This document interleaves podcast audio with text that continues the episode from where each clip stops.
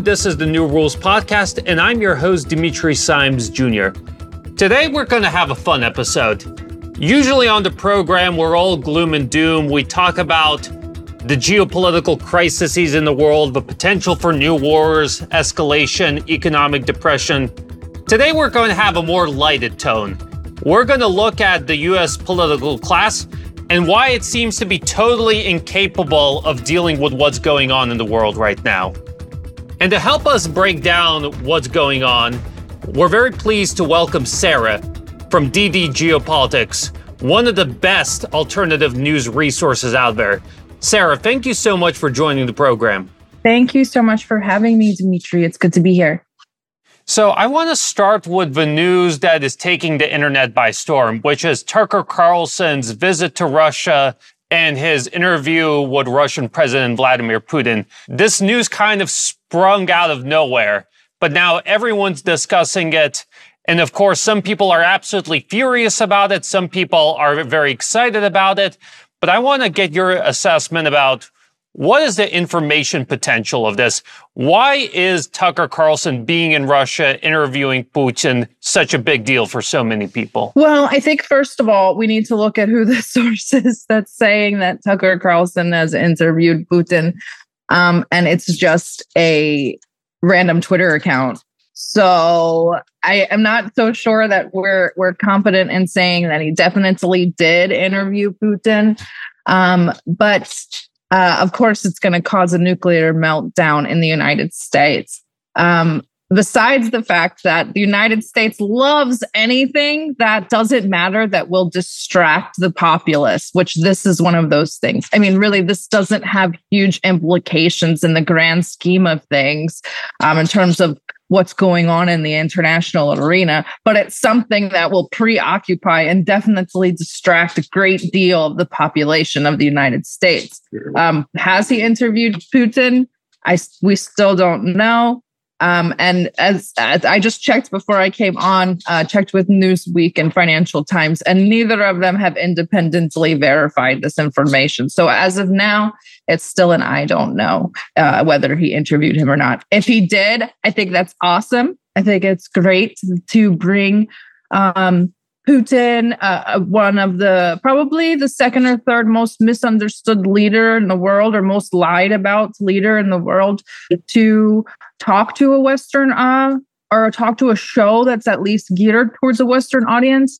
The thing that kind of makes me suspicious is that why would Putin decide to go on Twitter out of nowhere? I don't know. So I guess we'll still we're still just waiting to see. I think that the Kremlin's always kind of mysterious. So maybe they'll surprise us in the end. And, and there actually was an interview. I was thinking that he would meet with Medvedev or Lavrov or somebody along those lines that kind of they those two definitely appeal to western audiences um, and especially lavrov who really knows how to charm a western interview but we'll see. Hopefully, I'm hoping that uh, Putin actually did do the interview, honestly. I definitely would enjoy to see a Twitter space with Medvedev. I guess I'm sort of uh, curious to the furious backlash because you had people say that Tucker Carlson's a traitor, that, uh, you know, this is a moral abomination, that it's indefensible, and that quite frankly, Tucker Carlson should be detained by agents of the FBI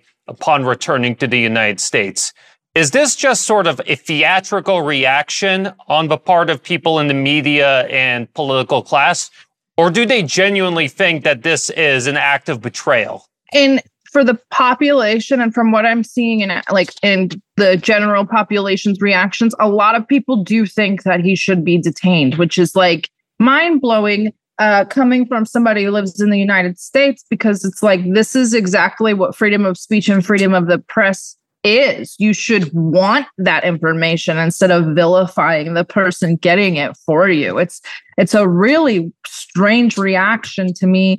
And Tucker Car why why are we so fearful that Putin is being platformed by Tucker Carlson? If Putin is the scary, awful dictator man that everybody says he is in America, then you should want Tucker Carlson to interview him because then everybody will see what a scary, awful, evil man he is. What are they really afraid of? Of is the as the actual question. And it just show, goes to show how deeply ingrained Russophobia is in the United States and has been since prior to the Cold War. So I think that the media is playing on that. I don't know if the media actually believes that, but I'm sure that a good good chunk of the major of the population does believe that uh, Tucker is now a traitor for going over to just visiting Moscow, let alone interviewing Putin. I mean, I guess this brings us to a more fundamental question because we're currently little over a month into 2024, and the foreign policy situation for the United States to put it delicately, is not exactly easy. Things aren't going very well in the Middle East, in Ukraine. Things even at home are starting to look not so stable. Why, you know, to what extent is there an ability to have a rational conversation about what's going on? To what extent can people point out the obvious uh, when it comes to Ukraine, to the Middle East, and so on and so forth? Or are we still living in a sort of bubble fantasy land? I don't think that it can be hidden from the populace anymore uh, with the, the amount of information available on Twitter and Telegram. It's just that if you are one of those people that has the unfortunate um, fate of being informed and then watching the American government actually speak, it's like they are so uh, detached from reality. And whether or not they're detached from reality or just flat out lying to us, I don't know what's worse. I mean, even their own rationality when answering questions. I was watching some press conference yesterday, and I believe he is the spokesperson for the Department of Defense or the Pentagon, one or the other. And the uh, a journalist asked a very valid question about the um, 76 that was shot down in Russian airspace with a Ukrainian POWs on board, and the spokesperson just said, "Well, Russia also lies about owning Crimea. And so what else did they lie about? And it was like, that's not an answer to a question at a presser. Like, I'm just not, I'm just not how we sure how we got to this point where and even the journalist said, You just answered my question with the question. And the guy was just like, Yeah, I did. So what? And it was like, where what's happening? What what is happening? It's it's almost terrifying in a way. See how irresponsible and, and lackadaisical the United States government is with, with what's going on and and and how they should be playing a, a major role in it, uh, at least trying to calm down tensions, but just literally not doing anything at all, if, if not stoking them as well. So I think the whole Tucker hysteria is particularly relevant to the conversation about Ukraine. Because on the one hand, over the past couple of months, we've seen a admission in the media that the Ukrainian counteroffensive hasn't panned out as hoped, that there are some cracks starting to emerge in the Ukrainian state, and that the prospects, at least for this year, are very bleak. But at the very same time, when an American journalist goes to Russia and reportedly wants to interview the Russian president and see for his own eyes what's going on, there is this completely insane reaction. So I have to ask you, Sarah, is the United States really ready for an honest conversation about Ukraine, or is it not there yet? No, not at all. Not at all. I mean, they snuck in $60 billion in this bill, which probably the only reason why it got through uh, without a without a huge kerfuffle is because it was hidden under 14 billion for Israel, which we have to get to Israel. But the American people are not ready for a conversation about Ukraine, and I don't think that it's so much about admitting the failure as it is admitting that you were defeated by Russia. That's the pill that's harder to swallow. I mean, you kind of watch the United States sort of slink out of Iraq and, and they're still kind of present in Iraq, but in Afghanistan in terms of conflict and kind of like it was very clear that they had lost, but they kind of just went home with their tail between their legs. They are not going to do that with Russia. They cannot allow the world to know that Russia uh, beat them or at least weakened NATO to this state. So, no, I don't believe they are. Plus, the EU just sent another cup, another maybe 50 billion. So there was also pressure from mounting from that as well. Kind of uh, the UK saying like, look at what we're doing, and, and the EU saying, look at what we're doing, and where are you at? So the United States kind of ponied up a little bit. So I don't think I think that they're kind of the EU and the United States are kind of in this symbiotic relationship where they're both just kind of we're going down and we're taking the other with us. So I think you make a really interesting point that many people in a non-American audience probably wouldn't understand because when I talk to my Russian friends, for example, they often make the argument that the United States is playing some sort of four-dimensional geopolitical chess in Ukraine, that, you know, this is all about gaining strategic lithium resources, establishing trade routes, controlling trade routes over the Black Sea. But I say, Friends, this is all about prestige. This is about the fact that boomers can't admit that they've lost, that they failed, and they don't want to look weak. So, I mean, I guess could you explain, especially for our non American audience, why is the question specifically of prestige perhaps an even more central one than, you know, geopolitical calculations that countries usually rely on? The United States relies on a bipolar world, meaning they Uh, they are the hegemon and then they have one formidable enemy. And that can shift depending on the mood depending on the president depending on what political parties in power.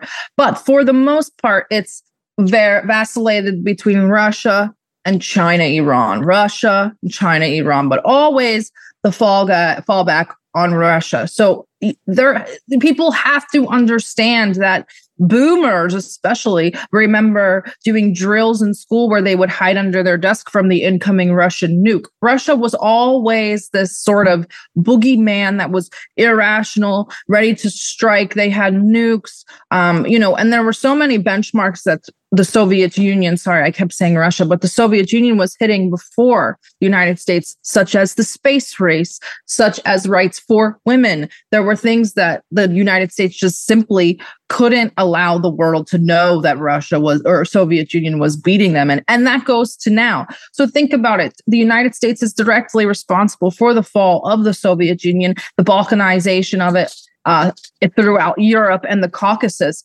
So they kind of said, great, we've kind of tackled that demon in the 90s. Let them kind of figure it out and fester. But what they don't count on is that countries find alliances, build alliances, and that they become self sufficient. So, what they didn't expect was for a 2022 Russia to have the at least the audacity and the wherewithal to uh, find itself in a position where they could attack NATO. Um, the United States, I don't think, really expected them to be this formidable. I don't. You ha- also have to remember that.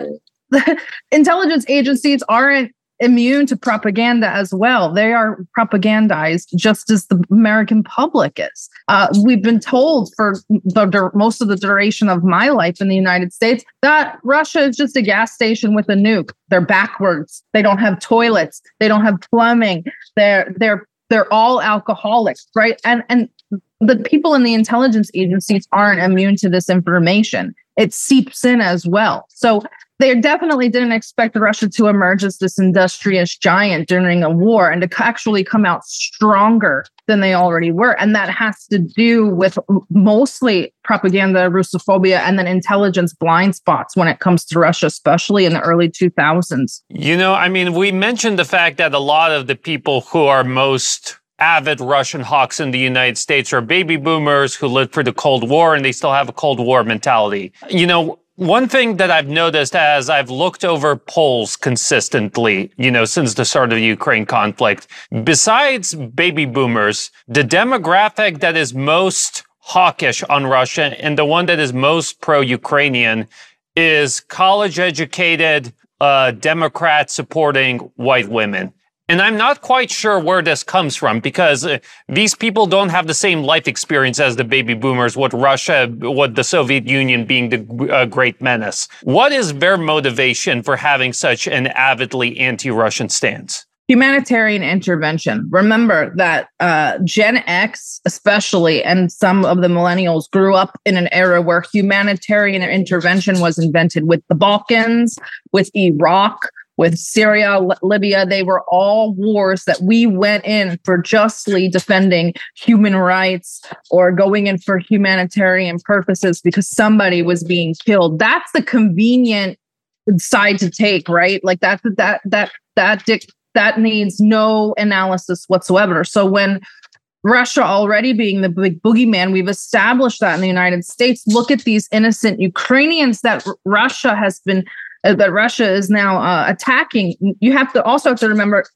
the the ATO in Donbass was never talked about in mainstream media in the United States. Really, it was on some of all our all our alternative media sources such as Vice before uh, they became not alternative and and Gray Zone and, and those kind of guys, but it wasn't on mainstream media. So for most of the normal, not political people, uh, the mainstream media is telling them big bad Russia is attacking poor little Ukraine. I mean, these people can't even point Ukraine out on a map. So really, they could be told anything about it. So you and I don't know if you remember, but in 2022 there was an enormous amount of atrocity propaganda set up to demonize the Russians and victimize the Ukrainians and kind of absolve them about anything that had happened in Donbass. So that's a that's what kind of these liberal wine moms sort of do. They kind of just take the convenient side, the, the one that seems more moral, doesn't really require a lot of thinking. That's why you see a lot of these lib- liberal uh, women are pro Palestine and pro Ukraine, which two things that really can't juxtapose. They're totally contradict one another. But that's because it comes from a this is the moral thing to do, I think, because that's what the media is kind of telling me. So the cloud chasing aspect makes sense to me. I heard, I read an interesting theory. I'd be interested. I want to get your reaction on it. The argument basically goes as follows: that many of these, you know, affluent white liberal women were the same ones who were most fanatical about the masks, about the quarantines, about the vaccines, and that these are people who are just basically control freaks, and that they ha- are naturally averse to risk, to danger. And so when they see a country that, you know, is going outside the rules based liberal international order and trying to defend its interests that way, they just have a panic attack for the very same reason they got, had a panic attack during COVID when people went outside without a, you know, QR code or, you know, without a mask. without a QR code. Um, that, and I also think that for them, it, it's a safety thing, right? They, the America is famous for creating a problem and then giving you the solution right? They give the, they create the problem, they manufacture the problem, and then they feed the solution to the general population. So that's exactly what happened with COVID, right? Uh, we, regardless of where the actual virus itself came from, the the the lack of mitigation and the lack of preparation in the United States was then passed off on the general public in the form of fear and control and masks and it's very easy to just do what you're told. That's the that's the convenient thing. So when the media tells you people are dying in ukraine and put on a mask uh, people that go to brunch on Sundays and drink mimosas are very likely to put on a mask and put a Ukrainian sticker on their bumper. And then we get to Palestine and they're kind of just, oh, what is the protest movement doing? Oh, they're they're pro-Palestine. Okay, that's the kind of easy thing that will just go with the masses, go with the flow. It's it's very much about it's very lazy, um, a non non-analytical position. Nobody wants to actually analyze things and that also is a chore because in most cases you find out that you were very wrong or whatever you were told your whole life is very very wrong. So um, i get why they don't do it but it's also very detrimental to society. The final point i think is that for them russia is kind of the embodiment of toxic masculinity because you have a president that likes going hunting you know going on horseback with his shirt off. You know there's lots of video of russian guys like jumping into the snow and sub-zero temperatures temperatures, you know, uh, chopping wood, all that sort of stuff. And I think that maybe if Russians projected a more gentle image, I don't know, maybe if they, you know, talked about brunch or, you know, or something else that would be less uh, offensive, that maybe you wouldn't have this sort of stark reaction to them. I think that Russophobia thrives because Russia is lazy with its soft power. Russia is bad at propaganda, and Russia is kind of isolated when it comes to its actual people. General Russians, layman Russians, Russian, uh, your everyday Russians are quite removed from your everyday American. I think if the two were allowed to speak, they'd find that they were very much alike. I, I know from visiting Russia that Russians want to know everything about Americans and everything about America. Um, so the reason why Russophobia has thrived as well is because the there's a lot of ignorance when it comes to information about Russia. So yes, the videos that people do see are these hyper masculine um, videos, which they come to expect from a country like Russia, right? That's what we're told about Russia. So I, I don't know that Russia is. I don't know that Russia cares about soft power because at the end, it doesn't really matter. If Russia wants to project a softer image, I don't think that it would benefit them at all. It, what what what will help what helps Russia? What is what benefits does Russia gain by swaying American popular public opinion? I, I just don't what that public opinion will. Our government does whatever they want anyway. So what's the difference? What the public thinks, honestly. Yeah, that, that makes sense. I guess you know in that case, maybe makes sense to talk about some of the specifics of the stuff going on because it's difficult.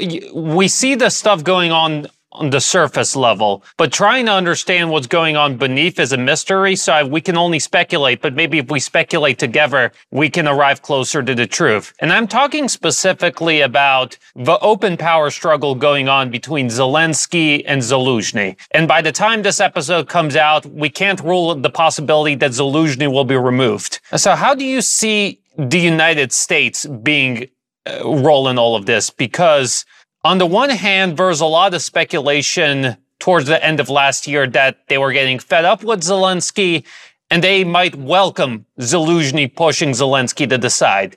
But now it seems as though they're reluctantly throwing their weight behind Zelensky over Zelensky. So how do you decipher this whole situation? What do you think is the most probable explanation given what we know? Well, we know that the relationship or the the the positive feelings for Zelensky are diminishing. Um, we saw that at the NATO summit where he really couldn't get anything from anybody. Um, he was also uh, snubbed at the recent uh, summit when he when uh, he wanted to meet. He said he wasn't on the level of the of the Chinese uh, premier, which is just ridiculous. But we've seen, you know, people are getting kind of tired of him. They already have war fatigue from the war and of itself, and now they're just kind of bored with Zelensky what we do know is that Victoria Nuland went over there and she talked with Zaluzhny, uh, Budanov, and Poroshenko, um, which is curious. Uh, but I think that the actually the, the more problematic thing is that who would really replace Zelensky? Uh, Budanov is an absolute psychopath, which could be super dangerous for the United States. Um, he's a terrorist, literally. It would be like putting Osama bin Laden in charge of a country uh, instead of keeping him on a leash like the United States likes to do with their terrorists. Zaluzhny is is just a military man and also a, a, staunch Banderite. Is it a good idea to put this man in office? I don't know. It's probably not the best PR decision for Ukraine. Uh, also, he's a military guy and he's good at being a military guy, so they may want to leave him there. So where does that leave us? Who are all our alternatives? It shows the desperation that Victoria Nuland even named Poroshenko. That's a that's a humongous backslide. That's a very very revelatory thing. Like that you're willing to go it's that bad that we're willing to pull poroshenko out of the dumpster and put him back into the spotlight. That's how bad it is. So i think that right now they're they're kind of toying with their options and probably coming up empty handed because I just don't know anybody. I can't think of anybody in the government that would want to take over that mess right now, especially because I think that the ship is, is on its way to sinking. You mentioned Victoria Nuland, and I want to, you know, I'm interested in getting your take on this because Victoria Nuland doesn't figure in the news all that much but every once in a while she appears from the shadows like a you know gray cardinal and you see that you know where she arrives chaos follows how you know based on what we know based on what we're seeing what role is Victoria Nuland In some ways, one of the architects of the Maidan revolution. What sort of role is she playing in the Biden administration's Ukraine policy? I really think that she is like in charge of the Biden administration's Ukraine policy. Ukraine is her baby. Ukraine is her nest egg. She has, she was involved in the 2004 Orange Revolution. She was very much directly involved in the 2014 Maidan and the following coup and selecting the leaders. And we all know about the leaked phone call. So this is this is her unfinished business from her years with the Obama administration. She's now getting to finish it. While Trump kind of didn't I wouldn't say put Ukraine on the back burner. I would just say it wasn't very much on the forefront like it is with Biden, like with the Democratic Democrat administration, uh, and with Biden kind of in the nursing. I don't know wherever Biden is, in this uh, whatever stage of dementia he's in. Um, I think that that she kind of has free rein when it comes to uh, to Ukraine, and that the others are kind of taking up the helm when it comes to Israel. If you've noticed, re- more recently, Antony Blinken has really taken a, a, the driver's seat when it comes to Israel, and then right after, on the heels of that, Victoria Nuland made an in-person visit to Ukraine. So it's it's clear that she's still very much involved and very much calling the shots. You know, this brings up a very interesting point because when Biden ran for president, he promised that unlike Trump, he would quote unquote trust the experts. I guess one of the interesting things when it comes to specifically the, the proxy war in Ukraine, that we get leaks on a regular basis about people in the Pentagon, people in the, you know, the defense national intelligence so on and so forth, that they have some sort of concerns, that they have some sort of pessimistic assessments about what's going on in Ukraine. But nevertheless, it seems that the people running the show are Victoria Nuland, Jake Sullivan, Antony Blinken, people with no military background, no military experience. Why does it seem as though Biden is uh, sidelining the military professionals in favor of these fanatical liberal political apparatchiks. No, that's what he's supposed to do. I mean, that's where we've gotten to between the uh, the way that our government is so despotic, especially in the Democratic Party, and all of this started with Bill Clinton, and then we saw it really like atrophy under the Obama administration, where um, you know these the presidents kind of take a back seat to the experts, and who they mean as the experts. It's just this general revolving door. I mean, Jake Sullivan worked with Hillary Clinton and Obama and the prior Clinton administration. Antony Blinken worked with the prior Clinton administration. Victoria Nuland has worked with Madeleine Albright, also with the prior Clinton administration. And it's just like this re- same people just with all the same policies, they are the expert that Joe Biden's referring to. They're, Victoria Nuland is the expert on Ukraine when it comes to American foreign policy, as far as the Democrats are concerned. So he's going to allow her to have free rein. Plus, it's lucrative for him because of all of his business ties to Ukraine, which we don't really need to go down that rabbit hole. But it's in his best interest. So yes, he is trusting the experts. The experts, you Victoria Nuland, oh, she would definitely be an expert on the Ukrainian government since she created it. Yeah, and you know we've bashed Victoria Nuland enough. I think it's time to move on to Antony Blinken, who, as you noted, is managing the Israel portfolio. I'm genuinely impressed by Antony Blinken because I think he's one of the few people in human history that has simultaneously alienated the Arabs and the Israelis at the same time. Because every time he goes to the Middle East, Netanyahu's furious. America's allies in the Middle East, uh, who are among the Arab Muslim states, are furious. You know, what is it about Antony Blinken that causes him him to alienate everyone, even people who traditionally want to work with the United States? Well, he's awkward. You, even in his his the way that he talks, he's very awkward and strange and and and almost like reptilian. And not to get in like a weird conspiracy theory. No, he's but he's just very strange. If you notice, he he when he went to Israel, just the things that he says is like, "I'm here as a Jew." What does that even mean? Like, what are you talking about? And like, he did a whole tried to do a whole like tour extravaganza across the Middle East and got denied. And they're like, like, look at what, like, read the room. We don't want to talk to you. Like, are you kidding me? And I think that the, just him asking to visit was alienating enough. Like, who's going to meet with him? Anybody with a conscience shouldn't be meeting with Antony Blinken in the amidst what's happening in Gaza, understanding that he's mostly responsible for the policies in Israel. It just it, it, they're so out of touch. That's why I keep saying like the United States administration uh, is sits, especially the Clinton admin and and yeah, definitely not Bush Jr. They don't have any clue how to read a room, and it's like, what do you you don't want to you don't want to meet up and have a meeting with me? And they're like, you're literally helping a genocide in Gaza, and they're like, what what are you talking? It? Like it's like they're so clueless as to what's actually happening around them, and they're also not kind of uh, playing into Bibi Netanyahu's hands because that's also a dangerous scenario. So they're pissing off both, but I think that they're safer pissing off uh, actually the Arabs than they are pissing off Bibi because Bibi going rogue is a lot scarier than the Arab states going rogue, I think, anyway. I want to remind our audience members that you are watching and listening to the New Rules podcast. I'm your host, Dimitri Simes Jr., and our guest today is Sarah from DD Geopolitics.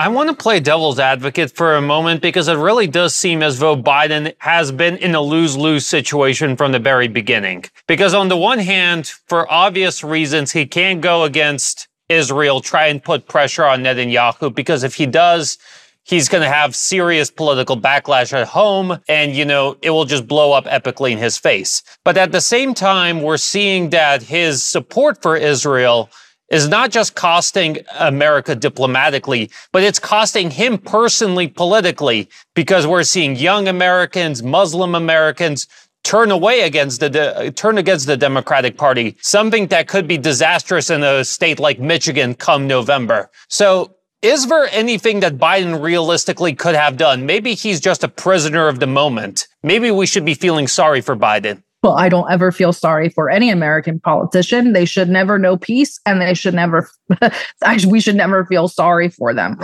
I do agree with you because he definitely is in a between a rock and a hard place when it comes to Israel. And that's because it's by design. Israel has created that rock in a hard place. You can't go against Israel because we promised to protect them for in perpetuity, us and the and the United Kingdom when we they when Israel was created. Also, what if you whether you believe the rumors or whatever you want to call them, there's apparently a lot of intelligence and things that they could blackmail America with, uh, according to some some alternative news sources. So I, I, I agree with with kind of Biden being stuck in it between a rock and a hard place, and helping Israel is definitely damaging America on the world stage. It's giving a lot of other countries the opportunity to really point at America and see, like, look and say, see, like, look at what their policy does to the world.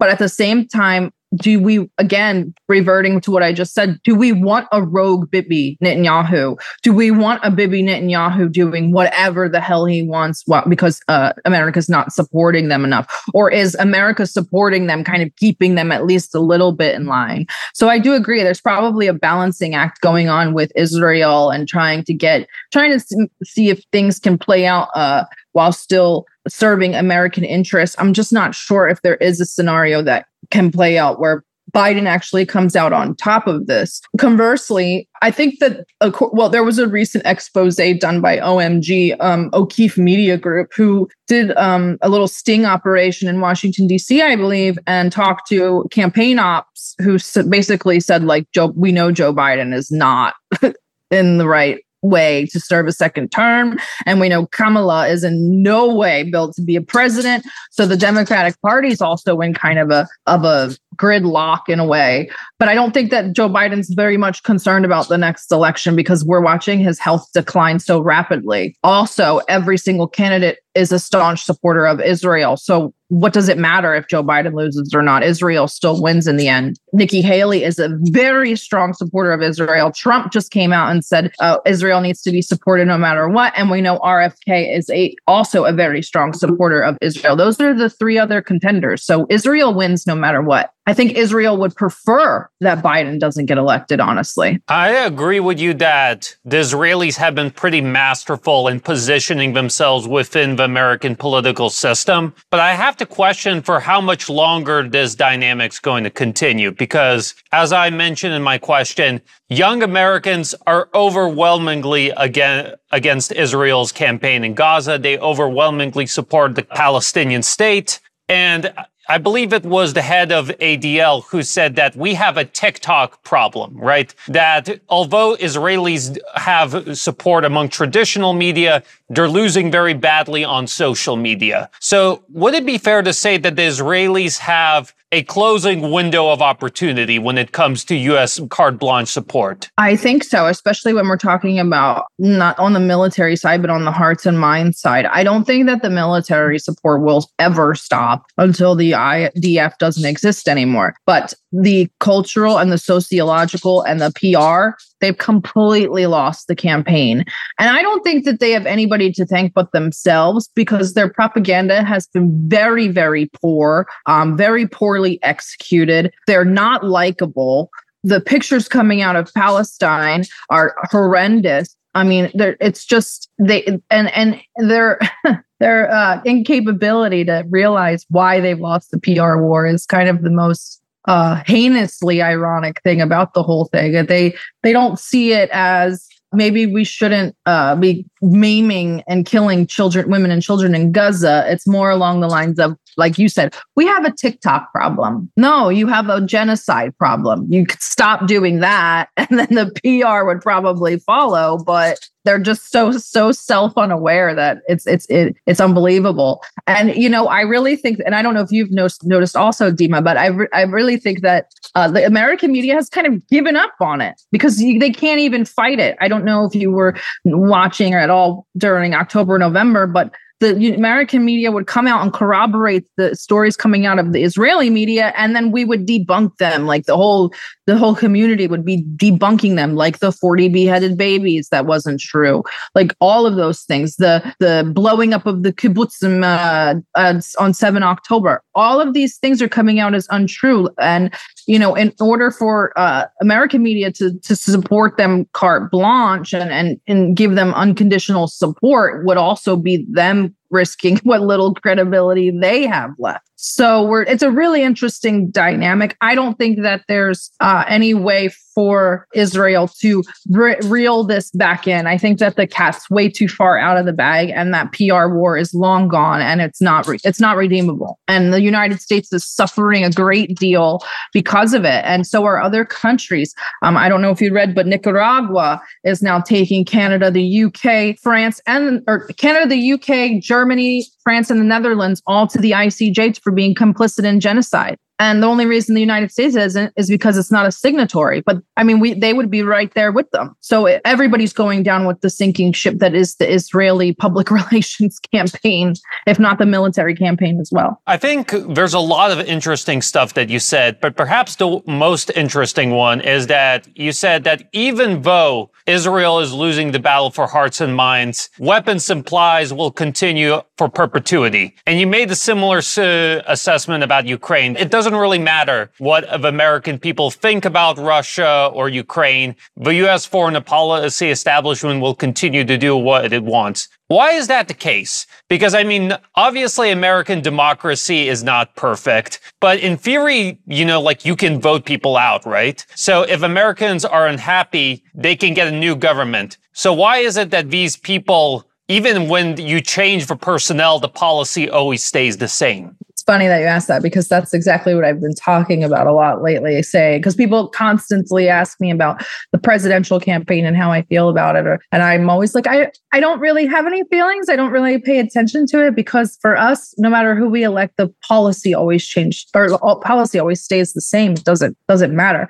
And I think with Ukraine, we've kind of backed away from supplying so many weapons because number one, uh, Russia was embarrassing uh, people who were sending weapons. Number two, we ran out of weapons to feasibly send. Uh, so that that's kind of we were forced to not do that. We were taking from Peter to feed Paul. Literally, we took 155 millimeter shells to give to Ukraine from Israel. So, and Israel is our first priority always for the United States because Israel protects that, that keeping Israel there protects our oil interests. So I think it would be easier for the United States to change the policy with Ukraine. I think that they're just uh, still funneling money in there because it's a laundering scheme, number one. And number two, because they just aren't ready to admit defeat to Russia yet. For Israel, our foreign policy, especially for the last 40 years, has been built on the back of Israel keeping us in the Middle East to keep our oil prices down, uh, keeping our natural resources flowing, keeping discord going in that region. So our foreign policy is very much built around the existence of Israel. I don't think that people knew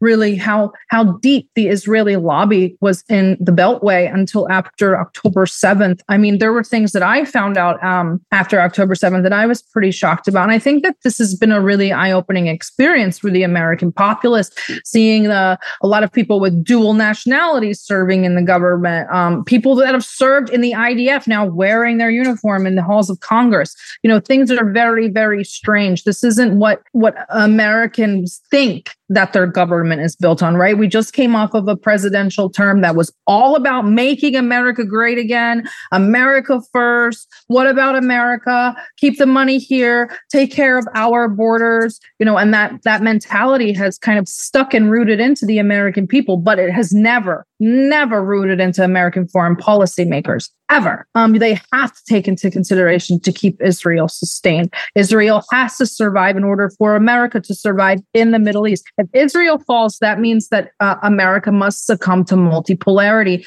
and try to fall in line with Russia and China. And that would be the most heartbreaking blow to the American ego, American government's ego. So, no, the foreign policy in regards to Israel can't change. Uh, we will probably go down with that sinking ship if we have to, but we won't be going down with Ukraine. We'll make Europe go down with Ukraine. That's what we've done, if you've noticed. You mentioned the 2024 election, and what I want to ask you is that US election years are always uh, frantic and they're always heated. But this year, in addition to elections, you have this sort of geopolitical cascade Ukraine unwinding, the, U- the Red Sea crisis, the slaughter in Gaza, you know, Iraqi and Syrian militias pummeling US bases in the Middle East with missiles and drones, potentially war with Iran. Who knows? Maybe we could get some action in Asia as well. Like the, you know, it's been little more than a month and things are already insane. How do you think the pressure of the presidential election affects Biden's decision making on foreign policy? I don't think it affects Biden at all because I don't think that Biden is uh, making any decisions. And again, we are looking at a, two wings of the same bird when it comes to um, American politics, especially when we talk about the two Bushes and then the Obama and Clinton years. Kind of those that two those two decades, two and a half decades, were pretty much all the same regards to foreign policy. Trump sort of broke away a little bit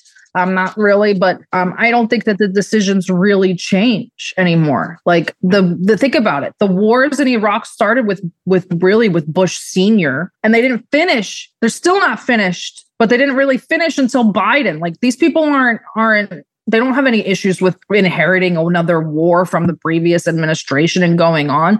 So I don't think that the the decisions really really matter. And I again, I don't think that Joe Biden's making any decisions. I think he made a recent veto, and that was. I mean, somebody asked him a month ago if he was concerned about the hostage, and he responded by saying, "Where?" He didn't even know what hostages the reporter could have been talking about.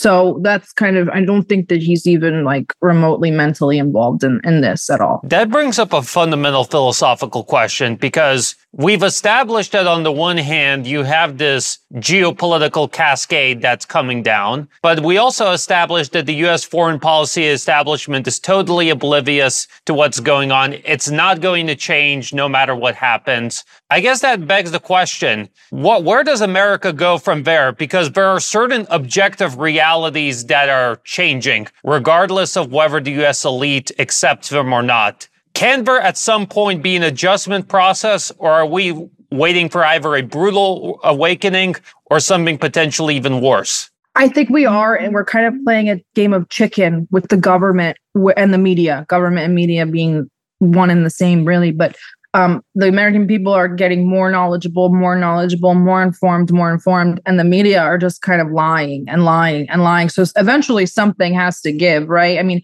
Trump kind of put the crack in the dam when with the fake news thing and constantly saying fake news and getting people to sort of question what the media was actually telling them. And now we're back to an administration that works very closely with the media to carry their party line. And people are people are already like well i already know the secrets. I already know what's behind the curtain. So we're kind of in a game of chicken in that way.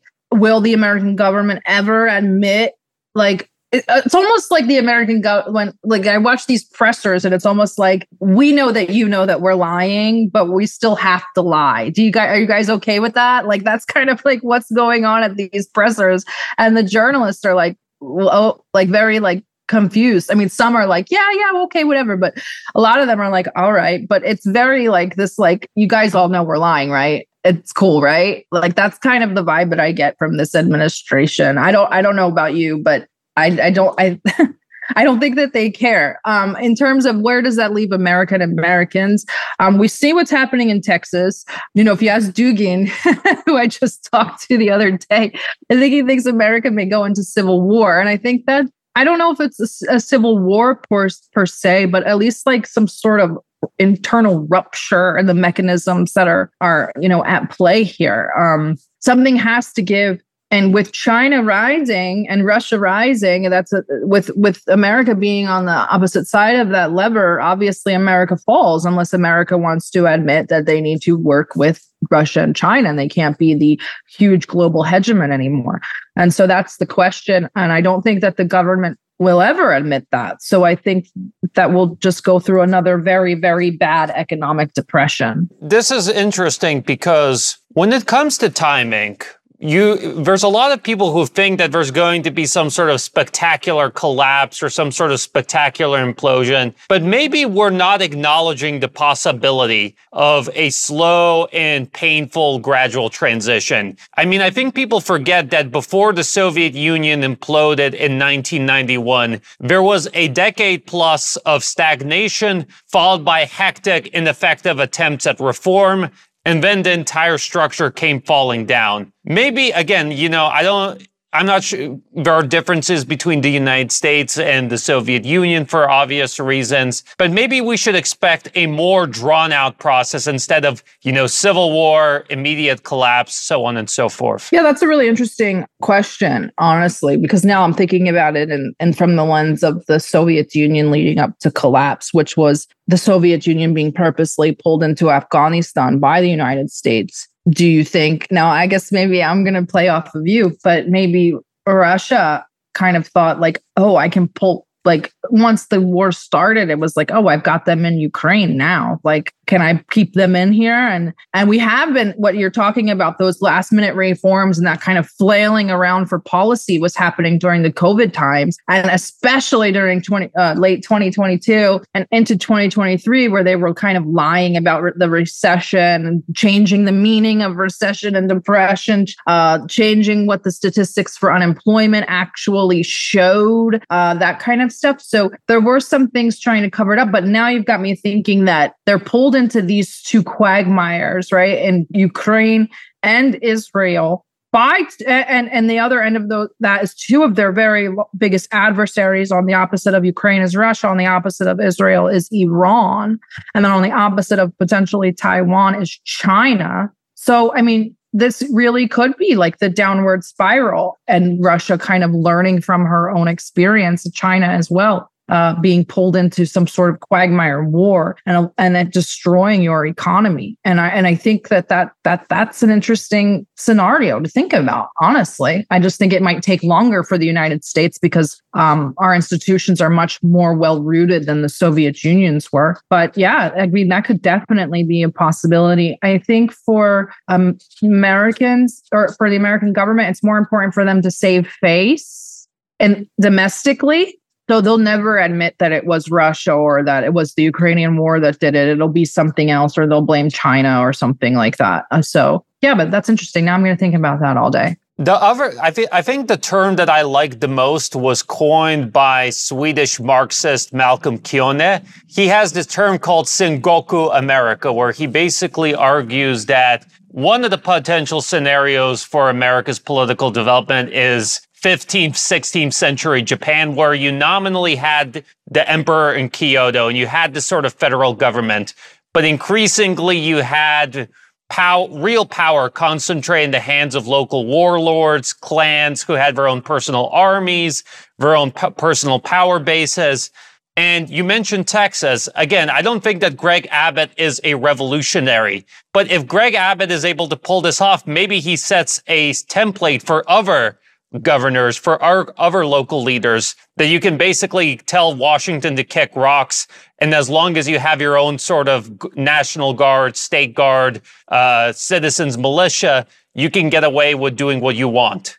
Um, I think that Texas is a very unique state, um, as, uh, are the other southern border states and, and some of the other southern southerly states. Um, they're a very unique in a very unique situation. Uh, I don't even I can't believe I'm even talking about this in my lifetime. But Texas, Texas's military power on its own is quite formidable. I mean, it's not something that can defeat the United States, but it's something that that should be taken seriously. I mean, they have their own air force, the Texas Air National Guard, they have the the Texas National Guard, they have the Texas Rangers, they have they have all kinds of things happening in Texas. Plus, they, I think they have the most guns per capita of any state. So, and they have localized militias and border patrol and all kinds of law enforcement down there that are uh, they that are belong to Texas uh, and and Abbott is showing that. And I think that you're right. No, he's not a revolutionary. He's also he's a WEF kid. He's an IMF kid. Like he they he's part of that kind of globalist elite. But could he be a domino, or could he at least be? And and we and you know Abbott's not smart politically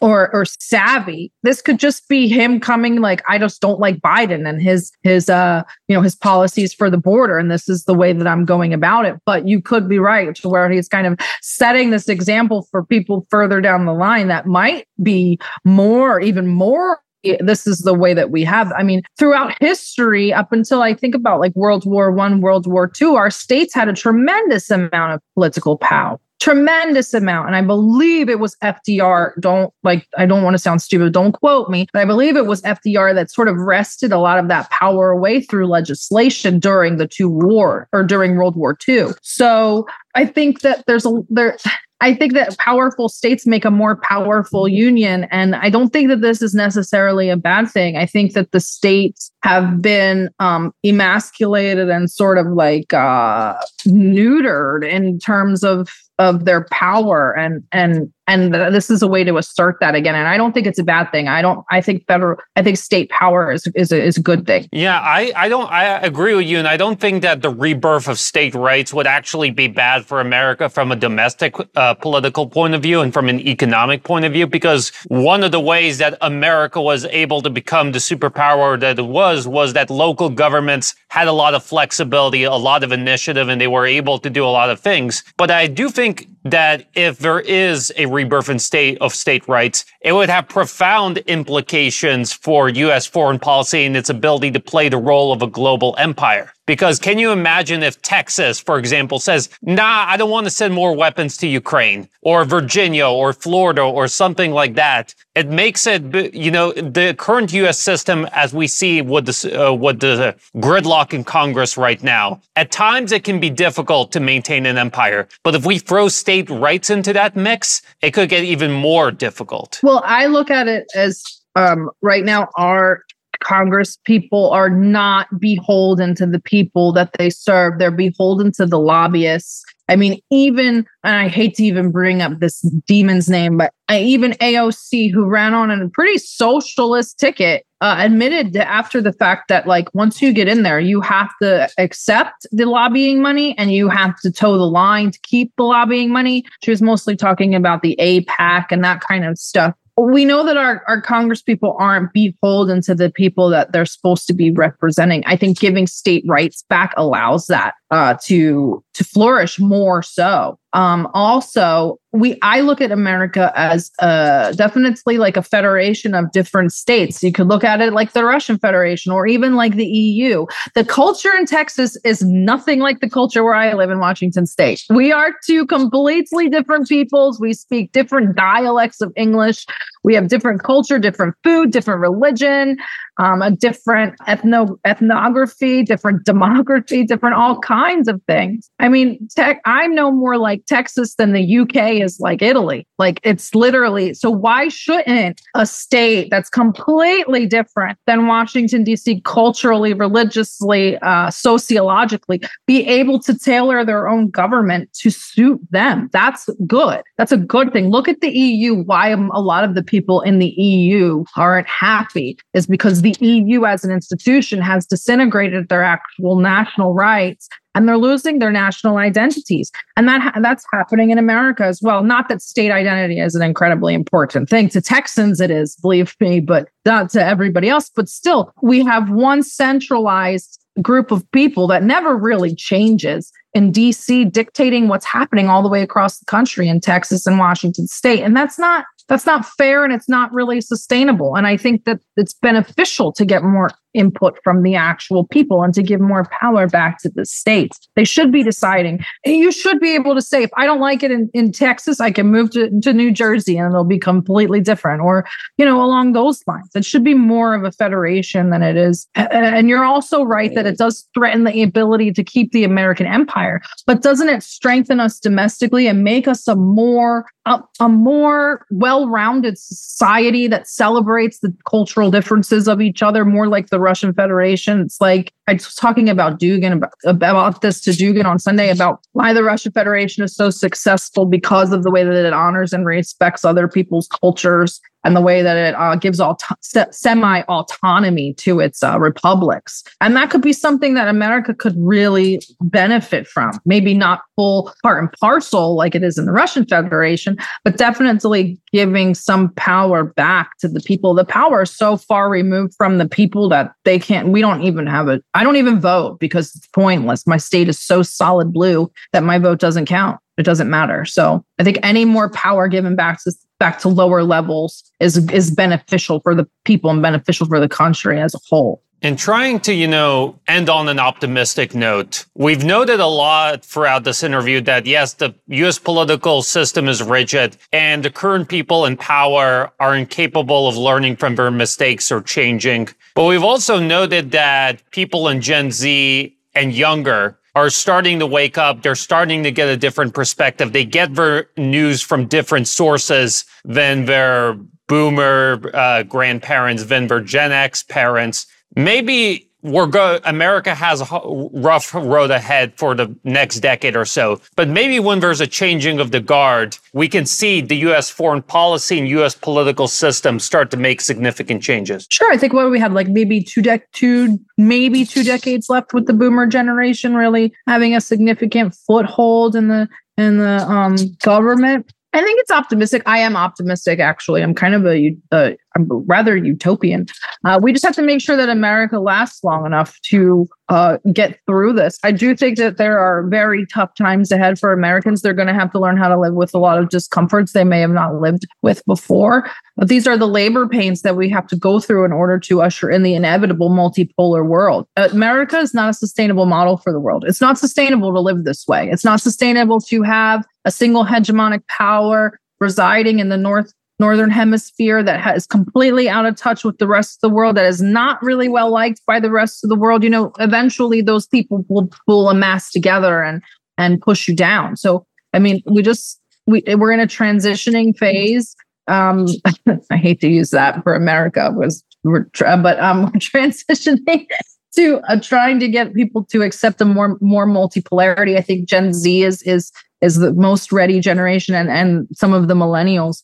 But we have to make sure that America lasts outlasts the boomers because I mean the boomers are clawing at the last grasping at the last straws of power. I want to remind our audience members that you watched and listened to the New Rules podcast. I'm your host, Dimitri Simes Jr., and our guest today was Sarah from DD Geopolitics. Sarah, where can our audience members go to keep up with your work? We are on pretty much every available platform. So just go to ddgeopolitics.com and it will link you to everything Twitter, YouTube, Rumble, locals, Telegram, Substack, every all of the above. Thank you all for tuning in. Till next time.